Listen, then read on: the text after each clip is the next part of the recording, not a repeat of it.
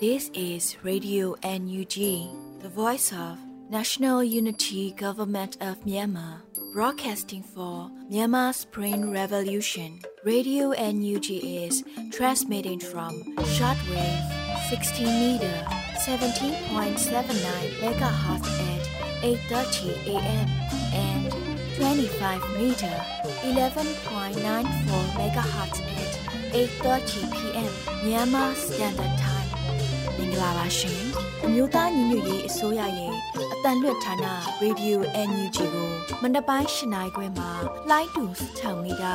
19.3ခုကုန်းမဂါဟတ်စ်နဲ့ညပိုင်း၈နိုင်ခွဲမှာလိုင်းတူ25မီတာ17.3ကိုလီမဂါဟတ်စ်တို့မှာဓာတ်ရိုက်ဖမ်းယူနားဆင်နိုင်ပါပြီရှင်။မင်္ဂလာအပေါင်းနဲ့ပြည့်စုံကြပါစေ။အခုချိန်ကစပြီး Radio NUG စီစဉ်လေးကိုဓာတ်ရိုက်အတန်လွှင့်ပေးနေပါပြီ မင်္ဂလာမနက်ခင်ပါခင်ဗျာရေဒီယို UNG သောတာရှင်များနဲ့တကွာတော်လံပြည်သူပြည်သားနိုင်ငံသားအပေါင်းဘေးကင်းရန်ကွာလို့ကြမ်းမာချမ်းသာကြပါစေကြောင်းရေဒီယို UNG ဝိုင်းတော်သူဝိုင်းတော်သားတွေကစွတောင်းမြတ်တာပို့သလျက်ရှိပါတယ်အောက်တိုဘာလ၄ရက်နေ့ရေဒီယို UNG ရဲ့မနက်ပိုင်းအတန်လှည့်စီစဉ်များကိုစတင်တော့မှာဖြစ်ပါတယ်ကျွန်တော်ကလွတ်လပ်နေဦးပါဥဆုံးအနေနဲ့နှွေဦးမိုင်တင်ပြထားတဲ့ပြည်တွင်းသတင်းများကိုဥစွာနားဆင်ကြပါခင်ဗျာ မင်္ဂလာမနေ့ခင်ပါရှင်အခုချိန်ကစပြီး2023ခုနှစ်အောက်တိုဘာလ4ရက်နေ့မနက်ခင်းပြည်တွင်သတင်းများကိုဖတ်ကြားပေးပါရမယ်ကျွန်မကတော့နှွေဦးမိုင်ဖြစ်ပါတယ်ရှင်ပထမဆုံးသတင်းအနေနဲ့စစ်အုပ်စု၏တရှို့သွေးခွဲမှုလုပ်ရများအောင်မြင်မှာမဟုတ်ဘူးလို့အမျိုးသားရင်ငွေရေးအစိုးရယာယီသမရပြောကြားတဲ့သတင်းကိုတင်ပြပေးပါမယ်စစ်အုပ်စုကအစဉ်ဆက်လှုပ်ဆောင်နေတဲ့တရှို့သွေးခွဲတဲ့လုပ်ရက်တွေ အောင်မြင်မှာမဟုတ်ဘူးဆိုတာယုံကြည်ကြောင်းအမျိုးသားညီညွတ်ရေးအစိုးရဖွဲ့ယာယီသမရဒူဝါလက်ရှိလာကပြောကြားလိုက်ပါတယ်။အော်တိုဘာလ3ရက်မှာပြုလုပ်တဲ့32ကြိမ်မြောက်အစိုးရဖွဲ့အစည်းအဝေးမှာယာယီသမရကပြောကြားလိုက်တာပါ။ဖြစ်ပြေသွားပြီးဖြစ်တဲ့ NCA စာချုပ်ရှစ်နှစ်ပြည့်ခါနာကိုအကြမ်းဖက်စစ်ကောင်စီကလှုံ့ဆော်နေတာနဲ့ပတ်သက်လို့ရည်ရွယ်ပြောဆိုလိုက်တာလည်းဖြစ်ပါတယ်။စစ်ကောင်စီဟာနိုင်ငံရေးစစ်ရေးအကြက်တီးတွေကိုရနိုင်သမျှဖြေလျှော့ဖို့စ조사နေတဲ့အနေနဲ့ တိုင်းသားအင်အားစုခေါင်းဆောင်အချို့ကိုလှည့်စားဖို့စ조사နေသလိုတိုင်းသားအင်အားစုတွေနဲ့အမျိုးသားညီညွတ်ရေးအစိုးရတို့ကြားစုစည်းညီညွတ်မှုတွေကိုတက်ရှို့သွေးခွဲဖို့ဆက်လက်လှုံ့ဆော်မှာတေချာနေတာကြောင့်ဒါကိုအထူးဂရုပြုဖို့လိုတယ်လို့လည်းယာယီသမရဒူဝါလက်ရှိလာကတတိပေးပြောဆိုခဲ့ပါတယ်။ဒါကြောင့်အမျိုးသားညီညွတ်ရေးအစိုးရနဲ့မဟာမိတ်တိုင်းသားအင်အားစုတွေကြားစုစည်းညီညွတ်မှုနဲ့ယုံကြည်မှုတွေပုံမခိုင်မာမြင့်မြတ်အောင်စထက်တပိုးတိဆောက်သွားရမှာဖြစ်တယ်လို့လည်းဆိုပါတယ်။ ဒီလိုတိဆောက်တဲ့နေရာမှာနိုင်ငံရေးစိတ်စေတနာပြေဝမှုရိုးသားပွင့်လင်းမှုနဲ့အမျှော်မြင်ကြီးမားမှုတွေကိုအခြေခံမှသာစစ်မှန်ပြီးမြင်းမြန်တဲ့ယုံကြည်မှုနဲ့ခိုင်မာတဲ့ညီညွတ်မှုတွေကိုရမှာဖြစ်တယ်လို့လည်းယာယီသမရကပြောကြားခဲ့ပါတယ်ရှင်။ဆက်လက်ပြီးကြားကာလဒေသန္တရပြည်သူ့ချုပ်ရေးဖော်ဆောင်မှုဘိုးကော်မတီနဲ့ရန်ကုန်တိုင်းအတွင်းရှိမြို့နယ်ပြည်သူ့ချုပ်ရေးဖွဲ့များတွိတ်ဆုံဆွေးနွေးပွဲကျင်းပပြုလုပ်တဲ့သတင်းကိုတင်ပြပါမယ်။အမျိုးသားညီညွတ်ရေးအစိုးရ ကြားကာလဒေသန္တရပြည်သူ့ချုပ်ရေးဖော်ဆောင်မှုဘိုးကော်မတီနဲ့ရန်ကုန်တိုင်းမှမြို့နယ်ပြည်သူ့အချုပ်ရဲ့ဖွဲ့များတွိတ်ဆုံဆွေးနွေးပွဲအစည်းအဝေး19မြင်းဆောင်2023ကိုအောက်တိုဘာလ3ရက်နေ့နေ့လယ်တနာရီအချိန်တွင်ကျင်းပပြုလုပ်ခဲ့လို့သိရပါဗျ။အစည်းအဝေးတွင်ကြားကာလဒေသန္တရပြည်သူ့ချုပ်ရဲ့ဖော်ဆောင်မှုဗဟိုကော်မတီအဖွဲ့ဝင်အလုံသမားဝင်ကြီးဌာနပြည်ထောင်စုဝင်ကြီးနိုင်တုဝနမှအဖွဲ့မှစကားပြောကြားခဲ့ပါတယ်။ထို့နောက်ဝင်ကြီးဌာနများမှ လုပ်ငန်းဆောင်ရွက်ချက်များနဲ့ပတ်သက်၍ရှင်းလင်းပြောကြားခဲ့ပြီးမြို့နယ်ပြည်သူ့အုပ်ချုပ်ရေးအဖွဲ့ဝင်များမှမူဝါဒလိုင်းညွှန်ချက်များလုပ်ငန်းဆောင်ရွက်ချက်များမြစ်ပြည့်အခက်ခဲများနဲ့ပတ်သက်၍သိရှိလိုသည့်များကိုဆွေးနွေးခဲ့ကြရာဝန်ကြီးဌာနအသီးသီးမှတာဝန်ရှိသူများကပြန်လည်ဖြည့်ကြားဆောင်ရွက်ခဲ့ပါတယ်။အဆိုပါတွေ့ဆုံပွဲသို့ပြည်ထောင်စုဝန်ကြီးနိုင်တုဝနမှဦးဆောင်ကအမြဲတမ်းအတွင်းဝင်များတွဲဖက်အမြဲတမ်းအတွင်းဝင်များဌာနဆိုင်ရာများမှတာဝန်ရှိသူများနဲ့ရန်ကုန်တိုင်းမှ မြို့နယ်ပြည်သူ့ချုပ်ရဲ့ဖွဲ့ဝင်များတက်ရောက်ခဲ့ကြကအစည်းအဝေးကိုနေ့လယ်2နာရီအချိန်တွင်ရပ်နာခဲ့လို့သိရပါတယ်ရှင်။စစ်တပ်အာဏာသိမ်းပြီးနောက်ပိုင်းမြန်မာနိုင်ငံတွင်ဘိန်းစိုက်ပြုတ်မှု33ရာခိုင်နှုန်းမြင့်တက်လာပြီးအွန်လိုင်းစိုက်ပါလိမ့်လည်မှုနဲ့လူကုန်ကူးမှုများ၏အချက်ချာဖြစ်လာတဲ့သတင်းကိုဆက်လက်တင်ပြပေးပါမယ်။စစ်တပ်ကအာဏာသိမ်းယူပြီးနောက်မြန်မာနိုင်ငံမှာဘိန်းစိုက်ပြုတ်မှု33ရာခိုင်နှုန်းထိမြင့်တက်လာပြီး ဘိန်းနဲ့စိတ်ကြွဆေးပြားများထုတ်လုပ်မှုမြင့်တက်လာတဲ့အပြင်အွန်လိုင်းလိမ်လည်မှုနဲ့လူကုန်ကူးမှုများရဲ့အချက်ချာဒေတာဖြစ်လာတယ်လို့ကုလဆိုင်ရာမြန်မာအမြဲတမ်းကိုယ်စားလှယ်ဦးကျော်မိုးထွန်းကပြောဆိုလိုက်ပါတယ်။အမေရိကန်နိုင်ငံနယူးယောက်မြို့မှာကျင်းပနေတဲ့88ကြိမ်မြောက်ကုလသမဂ္ဂဌာနချုပ်မှာကျင်းပနေတဲ့လူမှုရေးလူသားချင်းစာနာမှုနဲ့ယဉ်ကျေးမှုဆိုင်ရာတတိယကော်မတီအစည်းအဝေးမှာပြောကြားခဲ့တာဖြစ်ပါတယ်။မြန်မာနိုင်ငံမှာ 2014ခုနှစ်ကစပြီးဘိန်းဆိုင်ပြုံးမှုလျှော့နေလာခဲ့ပေမဲ့စစ်တပ်ကအာဏာသိမ်းယူခဲ့တဲ့2021ခုနှစ်ဖေဖော်ဝါရီလနောက်ပိုင်းကစပြီးဘိန်းဆိုင်ပြုံးမှုပြန်လည်မြင့်တက်လာတာလို့ဦးကျော်မှုထွန်းကရှင်းပြခဲ့ပါတယ်။ UNODC ရဲ့အစီရင်ခံစာအရဆိုရင်အာဏာသိမ်းမှုဖြစ်ပြီးတဲ့နောက်ပိုင်းမှာဘိန်းဆိုင်ပြုံးမှုဟာ33ရာခိုင်နှုန်းအထိမြင့်တက်လာခဲ့ပြီးဘိန်းထုတ်လုပ်မှုဟာလည်းနှစ်ဆခန့်မြင့်တက်လာတဲ့အပြင်မီတာဖီတမင်ထုတ်လုပ်မှုနဲ့ တရားမဝင်ကုန်ကူးမှုတွေဟာလည်းတိတိတတ်တာမြင့်တက်လာတယ်လို့ဆိုပါတယ်။ဒါအပြင်မြန်မာနိုင်ငံဟာနေဆက်ဖြစ်ကျော်ရဇဝက်မှုခင်များဥတီယာလမ်းဆောင်တစ်ခုဖြစ်လာတဲ့အတွက်ထိတ်လန့်ဖွယ်ဖြစ်လာတယ်လို့လည်းရှင်းလင်းပြောကြားခဲ့ပါတယ်။နောက်တစ်ချက်အနေနဲ့မြန်မာနိုင်ငံတမိုင်းမှာအရင်ကမရှိခဲ့ဘူးတဲ့ဘိန်းနဲ့ မီတာဖီတမင်မှောင်ခိုကူးမှုတဟုန်ထိုးမြင့်တက်လာပြီးနိုင်ငံပေါင်း46နိုင်ငံကလူတွေကိုထောင်နဲ့တောင်းနဲ့ချီပြီးမြန်မာနိုင်ငံကိုလူကုန်ကူးတာရှုပ်ထွေးလာတဲ့စိုက်ဘာလိမ်လည်မှုတွေလည်းဖြစ်စေခဲ့လို့ထောက်ပြသွားခဲ့ပါတယ်။ဒီလိုဆိုးရွားတဲ့အန္တရာယ်ကနေရပ်တန့်စေဖို့ဆိုရင်ဥပဒေမဲ့လုံနေတဲ့စစ်တပ်ကိုအပီးတိုင်ခြုံငင်းစေပြီးတရားဥပဒေစိုးမိုးရေးကိုအပြည့်အဝလိုလားတဲ့အယက်သားဖက်ဒရယ်ဒီမိုကရေစီအစိုးရတိဆောက်ခြင်းကသာ တခုတည်းသောနီလန်ဖြစ်တယ်ဆိုတာတန်တရားဖြစ်ပွဲမရှိဘူးလို့လည်းပြောကြားခဲ့ပါရရှင်။ဆက်လက်ပြီးအကြမ်းဖက်စစ်တပ်၏လေကြောင်းတိုက်ခိုက်မှုနှင့်ပြစ်ခတ်မှုကြောင့်စက်တင်ဘာလအတွင်း KNU တပ်မဟာ9နေမြေမှအရက်သား6ဦးသေဆုံးက8ဦးဒဏ်ရာရခဲ့တဲ့တဲ့ရင်ကိုတင်ပြပါမယ်။အကြမ်းဖက်စစ်တပ်ရဲ့လေကြောင်းတိုက်ခိုက်မှုနဲ့လက်နက်ငယ်များဖြင့်ပစ်ခတ်မှုကြောင့်စက်တင်ဘာလအတွင်းမှာ KNU တပ်မဟာ9နေမြေကအရက်သား6ဦးသေဆုံးခဲ့ရပြီး10ဦးဒဏ်ရာရခဲ့လို့အောက်တိုဘာ3ရက်နေ့မှာထုတ်ပြန်ကြေညာလိုက်ပါတယ်။အကြမ်းဖက်စစ်တပ်ဟာစက်တင်ဘာလ1ရက်ကနေ15ရက်နေ့အတွင်းစစ်သုံး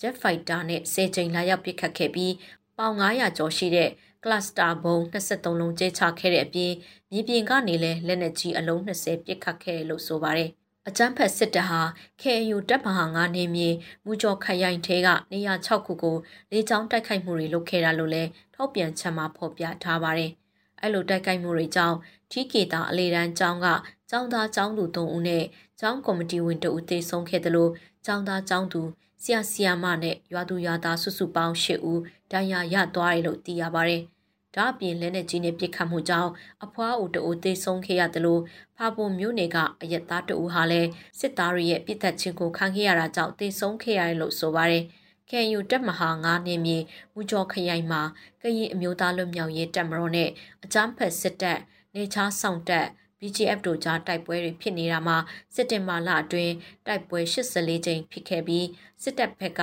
39ဦးသေဆုံးကအရာရှိ2ဦးအပါအဝင် 46ဦးဒဏ်ရာရရှိခဲ့တယ်လို့ KNLA တပ်မဟာ9ဘက်ကရဲဘော်9ဦးအသက်ပေးလှုပ်ခဲ့ရက73ဦးဒဏ်ရာရရှိခဲ့လို့ KNU တပ်မဟာ9ဘက်ကထုတ်ပြန်ထားပါတယ်ရှင်။ရေဦးနယ်အတွင်းကိုအကြမ်းဖက်စစ်တပ်က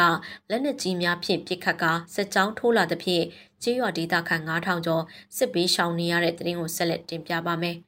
စကိုင်းတိုင်းရေဦးမြို့နယ်ထဲကရွာတွေကိုအကြမ်းဖက်စစ်တပ်ကလက်နက်ကြီးတွေနဲ့ပစ်ခတ်ပြီးစစ်ကြောင်းထိုးလာတဲ့အတွက်ကျေးရွာ၉ရွာကဒေသခံ9000ကျော်ထွက်ပြေးတိမ်းရှောင်ခဲ့ရတယ်လို့ဒေသတွင်သတင်းရင်းမြစ်တွေကပြောပါတယ်။အောက်တိုဘာလ2ရက်မနေ့ပိုင်းမှာဒီပေရင်နယ်ဖက်ကထွက်လာတဲ့အကြမ်းဖက်စစ်ကောင်စီစစ်ကြောင်းဟာရေဦးနယ်အနောက်ချမ်းမှာရှိတဲ့အောင်တာရွာကနေတဆင့်ညောင်လှ မူးစုံကိုရောက်ရှိလာပြီးလက်နက်ကြီးတွေနဲ့ပစ်ခတ်ခဲ့တဲ့အပြင်ကျေးရွာတွေအတွင်းမှာလည်းလက်နက်ငယ်တွေနဲ့ပစ်ခတ်နေတာကြောင့်ကျေးရွာဒေသခံတွေထွက်ပြေးတိမ်းရှောင်ခဲ့ရတာလို့ရေဦးမြို့နယ်စစ်ဆောင်ပြည်သူထောက်ပံ့ရေးဖွဲ့ကဆိုပါတယ်။အဲ့ဒီစစ်ကြောင်းကြောင့်မစိုးရိမ်အောင်သားခြုံရွာကြီးကုန်းဇီကုန်းရမိတ်သားမူးစုံမုတ်စီမြုပ်တုံစတဲ့ကျေးရွာတွေကဒေသခံပြည်သူစုစုပေါင်း9000ကျော်စစ်ပေးရှောင်နေရတာပါ။ဒီစစ်ပေးရှောင်တွေကိုဘေးလွတ်ရာကျေးရွာတွေအနေနဲ့ ဝိုင်းဝန်းကူညီဆောင်ရှောက်ပေးကြဖို့လေရေဦးမြို့နယ်စစ်ဆောင်ပြည်သူထောက်ပံ့ရေးဖွဲ့ကမြစ်တာရက်ခံထားပါရရှင်။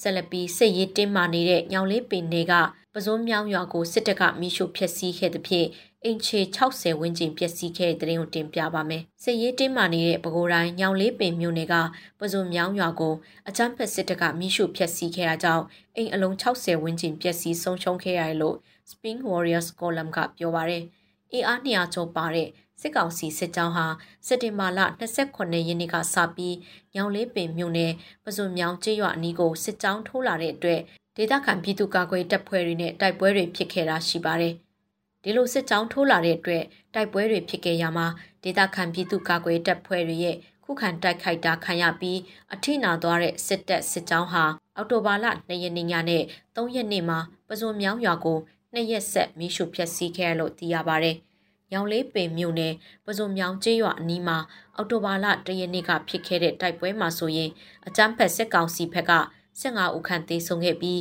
အရာရှိအပါဝင်စေဦးခန့်ဒဏ်ရာရရှိခဲ့တယ်လို့ပဇွန်မြောင်ကျေးရွာနဲ့အနီးတဝိုက်ကရွာတွေကိုချိတ်ဆက်ထားတဲ့ကျေးရွာချင်းဆက်လမ်းတွေကိုဖျက်ဆီးဖို့ယူလာတဲ့မြေတူးဆက်ဘဲဟိုးတစီကိုပါပြည်သူ့ကာကွယ်ရေးအဖွဲ့တွေကမိရှုဖျက်ဆီးနိုင်ခဲ့ပါတယ်။ လက်ရှိမှာစစ်ကောင်စီစစ်ကြောင်းဟာရှေ့ဆက်မတိုးနိုင်ဖြစ်နေတာကြောင့်စစ်ရေးအခြေအနေတင်းမာနေဆဲဖြစ်တယ်လို့လည်းသိရပါတယ်ရှင်။စက်တင်ဘာလအတွင်းအကြမ်းဖက်စစ်ကောင်စီမှမိရှုဖျက်ဆီးမှုပေါင်း58ကြိမ်ကျူးလွန်ခဲ့လူ2ဦးမိရှုတပ်ဖြတ်ခံရပြီးစာတင်ကြောင်စေခန်းနဲ့ဘာသာရေးအဆောက်အဦများနဲ့နေအိမ်စုစုပေါင်း1400နီးပါးမိရှုဖျက်ဆီးခံရတဲ့တဲ့ရင်နောက်ဆုံးတင်ပြပေးပါမယ်။အမျိုးသားညီညွတ်ရေးအစိုးရ UNG ပြည်ထရေးနဲ့လူမှုကြီးကြပ်ဝင်ကြီးဌာနမိသက်ဦးစီးဌာနမှစည်ရင်ပြုစုထုတ်ပြန်ချက်အရ2023ခုနှစ်စက်တင်ဘာလတလအတွင်းအကြမ်းဖက်စစ်ကောင်စီမှမိရှုဖျက်ဆီးမှုပေါင်း58ကြိမ်ကျူးလွန်ခဲ့လို့သိရပါတယ်။၎င်းမိရှုဖျက်ဆီးမှုများတွင်စာတင်ကျောင်း၃ကျောင်း၊စေပေခန်းတစ်လုံးနဲ့ ဘာသာရေးအစာအုပ်တစ်လုံးပါဝင်ပြီးအယက်သားနေအိမ်စုစုပေါင်း1380လေးလုံးကိုမိရှုဖျက်ဆီးခဲ့သည့်အပြင်လူနှစ်ဦးကိုလည်းမိရှုတပ်ဖြတ်ခဲ့တာလည်းဖြစ်ပါတယ်။စကိုင်းတိုင်းတွင်မိရှုဖျက်ဆီးမှု32ကြိမ်နဲ့အများဆုံးဖြစ်ခဲ့ပြီးနေအိမ်929လုံးစာတင်ကျောင်း2ကျောင်းဆေးရုံဆေးပေးခန်းတစ်ခုနဲ့ဘာသာရေးအဆောက်အဦတစ်လုံးမီးလောင်ပျက်စီးခဲ့ရကပဲခူးတိုင်းတွင်မီးရှို့ဖျက်ဆီးမှု6ကြိမ်ရှိခဲ့ပြီးနေအိမ်646လုံးပျက်စီးခဲ့ရပါတယ်။ ထို့အပြင်ကချင်ပြည်နယ်နဲ့မကွေးတိုင်းတို့မှလူနှစ်ဦးကိုလည်းအကြမ်းဖက်စစ်ကောင်စီတပ်ကမီးရှို့တပ်ဖြတ်ခဲ့သေးတယ်လို့ UNG မိတပ်ဦးစီးဌာနရဲ့ထုတ်ပြန်ချက်ရသိရပါတယ်။ယခုဖော်ပြထားသောအချက်အလက်များမှာလက်လှမ်းမီသလိုစင်းပြုစုဖော်ပြခြင်းဖြစ်ပြီးစစ်ကောင်စီတပ်၏အကြမ်းဖက်မှုများမှာမြေပြင်တွင်ပို၍ပင်များပြားနိုင်တယ်လို့အယူဂျီမိတပ်ဦးစီးဌာနကဆိုထားပါတယ်ရှင်။အခုတင်ပြခဲ့တဲ့သတင်းတွေကို Radio UNG သတင်းထောက်ကိုခန့်နဲ့ မင်းစစ်သွေးတို့ကပေးပို့ထားတာဖြစ်ပါတယ်ရှင်။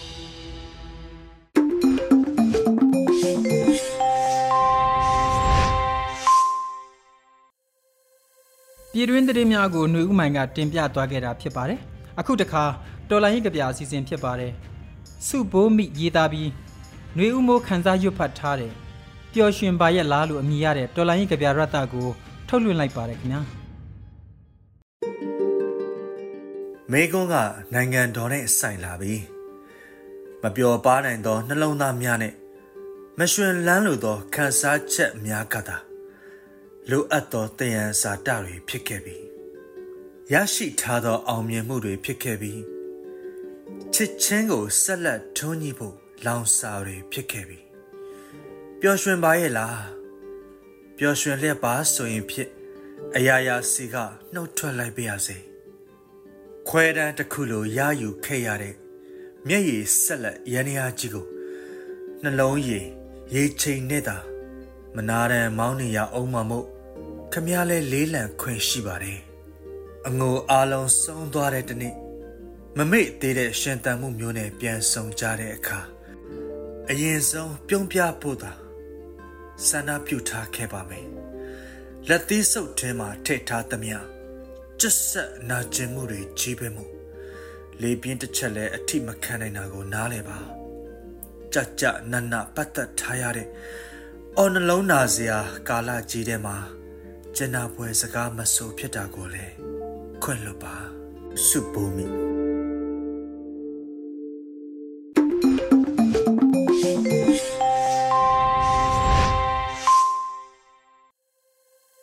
ရေဒီယိုအန်ယူဂျီမှာဆက်လက်တန်လှည့်လျက်ရှိနေပါတယ်။ထပ်မံနားဆင်ရမှာကတော့တတိမြင်ကွင်းဆောင်းပါးစီစဉ်ပဲဖြစ်ပါတယ်။ဝန်းတိုမြို့နယ်ကစာတင်ကျောင်းလက်နက်ကြီးကြပြီးကလေးငယ်20တန်ရာရ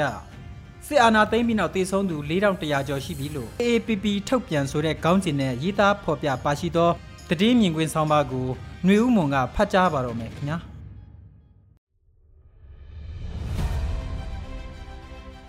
မြန်မာနွေဦးခရိုနီကယ်အောက်တိုဘာ2မြင်ကွင်း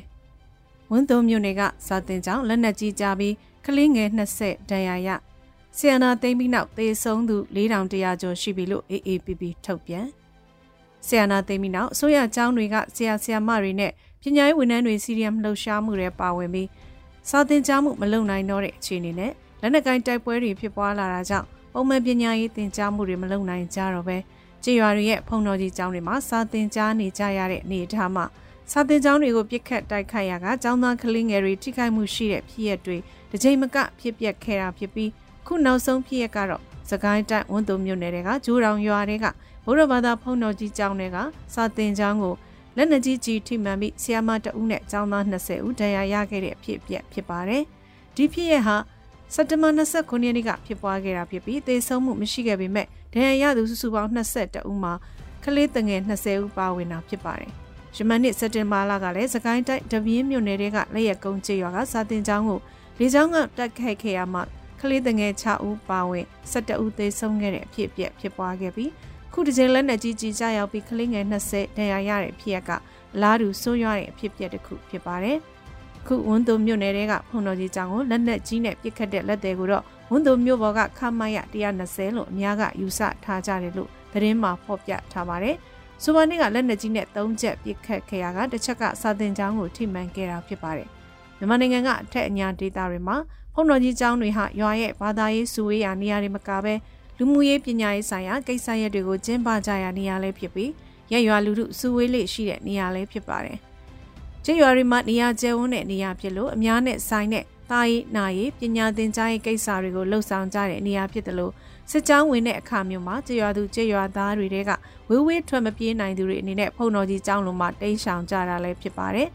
စစ်ကောင်စီတပ်တွေကလည်းကျေးရွာတွေဝင်လာရင်ဖုန်တော်ကြီးကျောင်းတွေကိုဝင်ပြီးကျေးရွာသားတွေကိုပုံအောင်နေမနေဝင်ရောက်စစ်ဆေးတယ်လို့တန်တရားရှိသူတွေကိုစစ်မေးဖို့ညှင်းဆဲရိုက်နှက်ကမင်းမြန်းမှုတွေကိုလည်းခုလိုဖုန်တော်ကြီးကျောင်းနဲ့လှုပ်ဆောင်လေးရှိတာဖြစ်ပျက်တွေကိုလေ့လာကြည့်ရင်တွေ့နိုင်ပါတယ်။ကျေးရွာသားဒါဇင်နဲ့ချီတက်ပြက်ခံရတဲ့ရေဦးမြို့နယ်ကမုံနိုင်ပင်ကျေးရွာဖြစ်ရမှာလဲဖုန်တော်ကြီးကျောင်းဝင်းထဲမှာ စစ်ကောင်စီတပ်ကစခန်းချပြီးရက်သားတွေကိုဖမ်းဆီးချုပ်နှောင်စစ်ဆေးကနောက်ဆုံးတပ်ဖြတ်ခဲ့တာဖြစ်ပါတယ်။ဖုန်တော်ကြီးကျောင်းတွေဘာသာရေးအဆောက်အုံတွေစာသင်ကျောင်းတွေနဲ့စေယုံတွေကိုစစ်ပွဲတွေမှာမတိုက်ခိုက်ဖို့ပြစ်မှတ်မထားဖို့ဆိုမာနီယာတွေမှာစခန်းချနေရမယူဖို့နိုင်ငံတကာဥပဒေတွေမှာပြဋ္ဌာန်းထားကြပေမဲ့လည်းမြန်မာနိုင်ငံမှာတော့ဒီလိုဥပဒေတွေကိုလိုက်နာလိမ့်မရှိကြပါဘူးဒီလိုမလိုက်နာခြင်းကြောင့်စာတင်ကျောင်းတွေစေယုံတွေဘာသာရေးအဆောက်အုံတွေဟာလည်းအရက်သားတွေကလေးငယ်တွေအသက်အရွယ်ကြီးရတဲ့သူတွေဖို့ ဘေးအန္တရာယ်ကင်းတဲ့နေရာတွေမဟုတ်ကြတော့တဲ့အနေအထားလေးရောက်ရှိနေတာဖြစ်ပါတယ်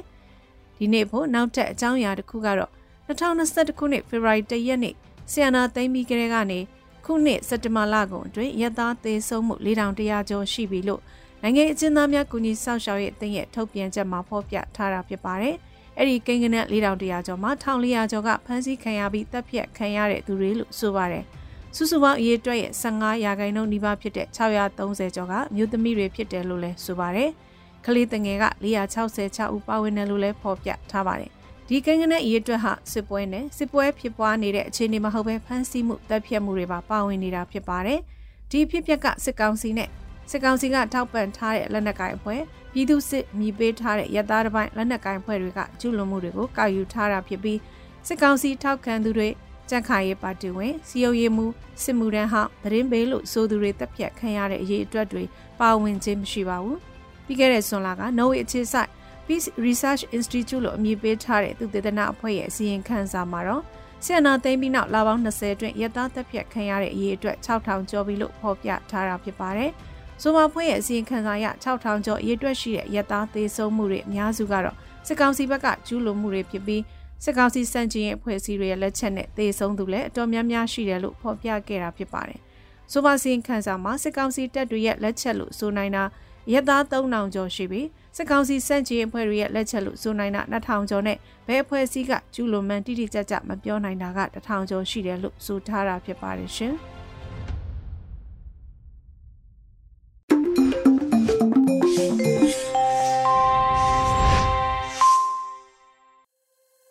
မျိုးသားညွရေးဆိုရတည်င်းအချက်လက်နဲ့ဤပညာဝန်ကြီးဌာနရေဒီယိုအန်ယူဂျီရဲ့မနက်ပိုင်းအသံလွှင့်စီစဉ်များကိုနားဆင်နေရတာပဲဖြစ်ပါတယ်။ထပ်မံနားဆင်ရမှာကတော့ PPTV ရဲ့နေ့စဉ်သတင်းများဖြစ်ပါတယ်။နေချီကတင်ပြထားပါတယ်ခင်ဗျာ။အခုချိန်ကစပြီး PPTV သတင်းတွေကိုတင်ဆက်ပေးတော့မှာပါကျွန်မနေကြပါရှင် ပထမဆုံးတင်ဆက်ပေးမယ့်သတင်းကတော့မြို့သားညီညွတ်ရေးဆိုရ32ကြိမ်မြောက်အစိုးရအဖွဲ့အစည်းစီဝေးပြုလုပ်တဲ့သတင်းမြို့သားညီညွတ်ရေးဆိုရရဲ့32ကြိမ်မြောက်အစိုးရအဖွဲ့အစည်းအဝေးကိုဒီကနေ့မနက်10:00နာရီမှာပြုလုပ်ခဲ့ကြပါတယ်။အစည်းအဝေးကိုယာယီသမရဒူဝါလာရှိလာပြည်အောင်စုဝင်ကြီးချုပ်မိုင်းဝင်းခိုင်တန်းတို့အပါအဝင်ပြည်အောင်စုဝင်ကြီးတွေဒုတိယဝင်ကြီးတွေတက်ရောက်ခဲ့ကြပါတယ်။ အစည်းအဝေးမှာယာယီသမရဒူဝါလာရှိလာကအဖွဲ့မိန်ကွင်းပြောကြားခဲ့ပြီးနောက်ပြည်အောင်စုဝင်ကြီးချုပ်ကမိန်ကွန်းပြောကြားခဲ့ပါတယ်။ယာယီသမရဒူဝါလာရှိလာကဒီဒေါ်လာရေးဟာစစ်ကောင်စီပြုတ်ကြရေးတတ်တတ်တင်မကပဲစနစ်နဲ့အတွေးခေါ်ဟောင်းတွေကိုပါ ဖြိုချဖျက်ဆီးမဲ့တော်လှန်ရေးဖြစ်တာကြောင့် Federal Democracy နိုင်ငံကိုတည်ထောင်တဲ့နေရာမှာဒန်းတူညီမျှမှုအပြည့်အဝရှိပြီးခွဲခြားဆက်ဆံမှုကင်းတဲ့လူပောင်တရက်ဖြစ်လာဖို့အစားပြုတဲ့ခြေလှမ်းတွေဖြစ်ပါတယ်လို့ပြောကြားခဲ့ပါတယ်။ဆက်လက်ပြီးတော့လဲတော်လည်းရေးမှာပါဝင်နေတဲ့ဆိုပြီးငါတို့ကသူများထက်သားတဲ့ဆိုတဲ့ modern high ground ယူတာမျိုးကို လုံးဝလက်ခံလို့မရဘူးဆိုတာကျွန်တော်တို့အနေနဲ့အလေးထားပြောလိုပါတယ်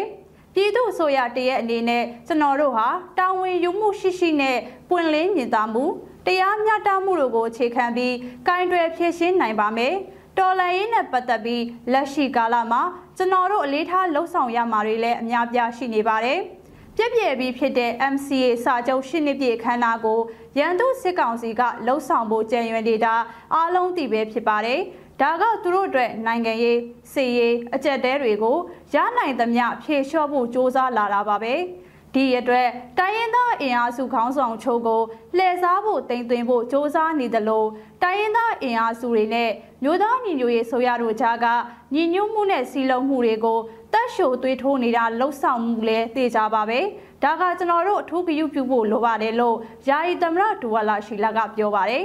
ဆက်လက်ပြီးတော့လေကျွန်တော်တို့အစိုးရရဲ့လုပ်ရည်ကိုင်းရည်ကောင်းမှုမှုရိုးသားပွင့်လင်းမှုတာဝန်ခံမှုတာဝန်ယူမှုစသည်ကမဟာမိတ်အင်အားကိုပုံမတောင်တင်းစေသလိုစံပြခေါင်းဆောင်တွေရဲ့အည်သွေးနဲ့ဥဆောင်နိုင်မှုတွေကလည်းလူထုကိုပုံမတောင်တင်းခိုင်မာစေတာကိုသိကြပါတယ်။အစိုးရတရရဲ့စွမ်းရည်ဆိုတာမူဝါဒရှင်းလင်းပြတ်သားမှုလူနဲ့အုပ်ချုပ်ခြင်းမဟုတ်ဘဲမူနဲ့တိကျပြတ်သားစွာအုပ်ချုပ်နိုင်မှု အစိုးရအဖွဲ့ဝင်များရဲ့ခေါင်းဆောင်နိုင်မှုစသည်ကအလွန်ပဲရေးကြီးပါတယ်လို့ပြည်အောင်စုဝန်ကြီးထုတ်ကပြောပါတယ်။ဒါအပြင်အစိုးရအဖွဲ့ဝင်အားလုံးရဲ့တဦးချင်းစီရဲ့စွမ်းဆောင်ရည်ကိုလည်းအစင်မပြတ်သုံးသပ်ပြီးတစ်နှစ်ထက်တစ်နှစ်တိုးတက်ကောင်းမွန်အောင်ဆောင်ရွက်ကြမှသာတော်လှန်ရေးအမြန်ဆုံးအောင်နိုင်မယ်လို့ပြည်အောင်စုဝန်ကြီးချုပ်ကပြောကြားခဲ့ပါတယ်။အစည်းအဝေးမှာမြို့သမီးလူငယ်နဲ့ကလေးသူငယ်ရေးရာဝန်ကြီးဌာနကတက်ငယ်ပရိ မရိမှု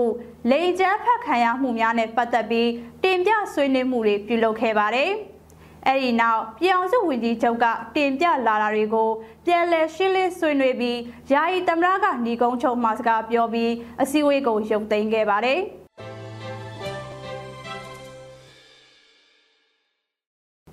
ဆက်လက်ပြီးတော့ခေဦးမြို့နယ်မှာမြို့နယ်ပြည်သူ့အုပ်ချုပ်ရေးဖွဲ့များနဲ့ကျေးရွာပြည်သူ့အုပ်ချုပ်ရေးဖွဲ့များတွဲဆုံဆွေးနွေးမှုပြုလုပ်တဲ့တဲ့မှာ စကိုင်းတိုင်းခေဦးမြို့နယ်ရဲ့ကျေးရွာတရားမှာမြို့သားညီညွတ်ရေးဆိုရ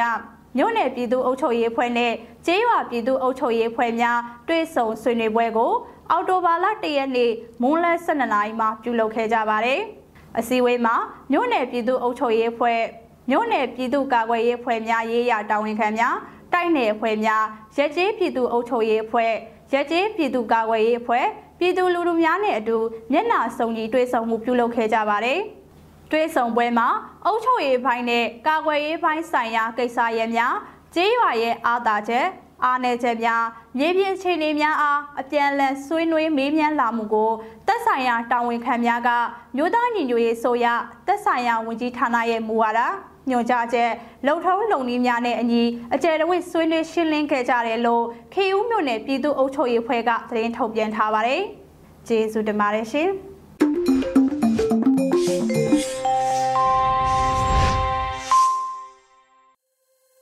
အမျိုးသားညွရေးဆိုရဆက်သွယ်ရေးတည်င်းချက်လက်နဲ့ဤပညာဝန်ကြီးဌာန Radio UNG ရဲ့မနေ့ပိုင်းအသံလွှင့်စီစဉ်များကိုနားဆင်နေရတာဖြစ်ပါတယ်။အခုထပ်မံနားဆင်ဖို့ရှိတာကတော်လိုင်းတေဂီတာအစီအစဉ်ဖြစ်ပါတယ်။တစ်ຫນွေဦးရေးသားပြီး Justice နဲ့ Air တူတူတို့စုပေါင်းတီဆိုထားကြတဲ့ຫນွေဦးတို့တန်းချင်းဆိုတဲ့တော်လိုင်းတေဂီတာတစ်ပုဒ်ကို ဖျော်ဖြေထုတ်လွှင့်ပေးလိုက်ပါတယ်ခင်ဗျာ။ ။